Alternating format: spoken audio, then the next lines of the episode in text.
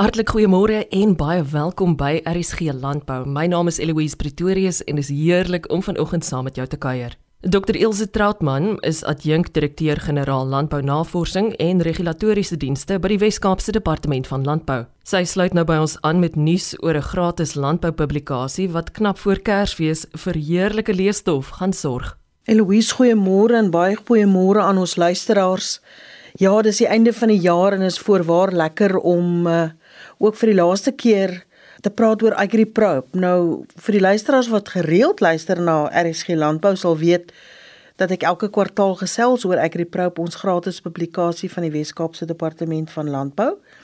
Maar vir die luisteraars wat nog nooit voorheen ingeskakel het nie, hier is nou die ideale Kersgeskenk. En dit is 'n gratis publikasie van die Wes-Kaapse Departement van Landbou wat jy of in harde kopie kan ontvang of ehm um, selfs van ons webwerf gaan aflaai en is lekker propvol landbou-inligting. Dit word deur die um, Wes-Kaapse Departement van Landbou self vervaardig, geskryf. Die stories is alles oor die suksesverhale, die lekker goedvoel stories en ook die werk wat ons departement doen. Ek dink is baie belangrik om ook vir vir die publiek daar buite te vertel dat die Wes-Kaapse Departement van Landbou is regtig probleemgedrewe. Ons wil graag boere en ander belanghebbendes se probleme oplos en ons neem ons dienste na die uithoeke van die Wes-Kaap. En daarom is dit vir ons lekker om een keer 'n kwartaal hierdie tydsrif vir mekaar te sit. Nou ouer gewoonte haal ek um, uit die Desember uitgawe wat binnekort gepubliseer sal word. Ek vermoed so in die middel van Desember. Lekker in tyd um, vir Kersfees wanneer mense ook met Kerstyd vertrek ouer gewoonte haal ek dan vier hoogtepunte uit. En die eerste hoogtepunt is die baie suksesvolle jeug en jong navorsers klimaatsverandering kongres wat ons aangebied het. Nou dis 'n groot woord, maar eintlik kan ek maar net sê dat 110 jong mense het saam met ons vergader vir 2 dae hier by Elsenburg in ons Percheron saal en regtig dit was verblydend om te sien hoe die jong mense ook die die uitdagings en die gevare van klimaatsverandering op landbou verstaan en ook wil verder neem.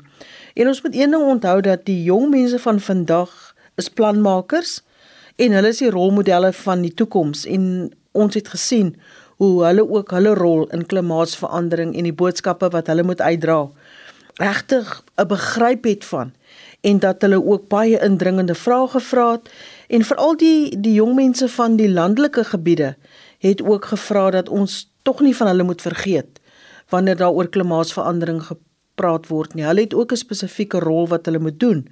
Um en uitvoer in die in die landelike gebiede en dit was regtig 'n baie baie suksesvolle kongres. Ons het dan onderneem om elke jaar so 'n kongres aan te bied. Volgende jaar sal dit in 'n landelike area wees en die jaar daarna weer terug by Elsenburg om regtig seker te maak ons bereik al ons jeug. Die tweede lekker storie is 'n uh, een met die titel Ons praat jakkals uit 'n bos. En dit is 'n uh, werkswinkel wat ons onlangs in Prins Albert aangebied het saam met die Endangered Wildlife Trust of EWT soos hulle ook bekend staan. Hulle was ons vernoot en saam met ons 'n baie lekker dag vir boere aangebied. En dit het hoofsaaklik gegaan oor omgewingsvriendelike roofdierbestuur. Ek dink uh, baie keer word daar gesien dat boere maar net voor die voet skiet en van roofdiere ontslaa raak. Maar ek dink boere is werklik bewus van die rol van roofdiere ook in hulle spesifieke ekosisteme en op hulle plase. En daarom was hierdie dag dan spesifiek om te sien hoe kan ons oplossings kry wat vir beide dier en mens tot voordeel is en dat dan nie sommer net voor die voet van roofdiere ontslaa geraak word nie. Ek moet sê dat die boere in die plattelandse areas, veral in die Karoo areas waar daar met skape geboer word, werklik gebuk gaan onder jakkals um, verliese en daarom het ons besluit om hierdie dag aan te bied. Die derde ene is is 'n storie wat ons baie gereeld in AgriPro oorskryf en dit is jou rol in diere siektebeheer. En die jou is die publiek en die jou is die boer. Ek dink beide partye het eweveel belang in diere siektes. Ons praat van zoonotiese siektes en hierdie siektes is siektes wat van diere na mense oorgedra word. En 'n voorbeeld hiervan is hondsdolheid. Hierdie siekte kan van 'n dier na 'n mens oorgedra word met dramatiese uh, effekte en en in die meeste gevalle het dit tot sterftes tot gevolg. En in hierdie artikel doen ons 'n beroep op die boer sowel as die publiek om te sê maak seker jou diere word ingeënt. Maak seker dat jy enige afwykende gedrag by jou diere sien en en dat jy dadelik optree. Ek dink is baie belangrik dat veral ons luisteraars vanoggend ook doodseker maak dat jou diere, katte, honde ingeënt is teen hondsdolheid. Um die Weskaap was um baie stil um met hondsdolheid vir 'n hele hele klompie jare, maar 'n uitbraak um onlangs het ons weer op ons tone gesit en ons het besluit hier moet ons weer daadwerklik die bewusmakingsveldtog doen, inentings doen en uh, ons het 'n redelike groot veldtog van van stapel gestuur om ook hondsdolheid veral in die Weskaap te bekamp. So daar waar u dan ook met verlof gaan, u dalk nie tyd om u diere na 'n veearts te neem nie. Nou is die geskikte tyd. Neem daai tydjie wat u by die huis is, neem jou troeteldiere na 'n veearts en kry daardie nodige inentings. Die vierde lekker lees storie is altyd 'n hoogtepunt en dit is ons Outeniqua inligtingsdag wat ons vanjaar gesig tot gesig in aangesig aangebied het. Ons is gebuk uh, van 2020 wat gebuk gegaan onder COVID-19 en ons kon nie met ons boere en ons ander sleutelrolspelers gesels nie en ons het virtuele inligtingsdae aangebied net om seker te maak dat ons die inligting by daardie betrokke partye uitkry. Ons het dan vanjaar dit weer lekker aangebied op Outeniqua Navorsingsplaas van die Wes-Kaapse Departement van Landbou met die fokus op uh, melk van veiding en dit was tog te lekker om meer as 200 mense op die plaas te verwelkom. Maar ons het ook seker gemaak van die jaar soos met 2020 en 2021 dat ons ook 'n opname gemaak het van die dae. Dis beskikbaar op YouTube en uh, ons is trots om te sê dat as 'n mens nou na die YouTube video gaan kyk, dan is daar reeds 125 mense wat gaan kyk het. Mense wat nie die dag bygewoon het nie, maar wel die inligting kon kry. So ons boodskap aan ons luisteraar en ons boer is al is COVID met ons, ons sal sorg dat jy die jongste en die nuutste navorsing inligting kry. Of dit via 'n YouTube kanaal is of deur een van ons inligtingsdae, ons is daar vir jou.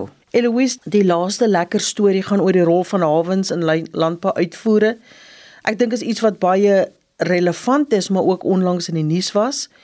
Die probleme wat ons um, gekry het met hawens wat nie heeltemal funksioneel is nie, dat daar sakings was, dat van ons varsvrugteprodukte op die hawens opgehoop het.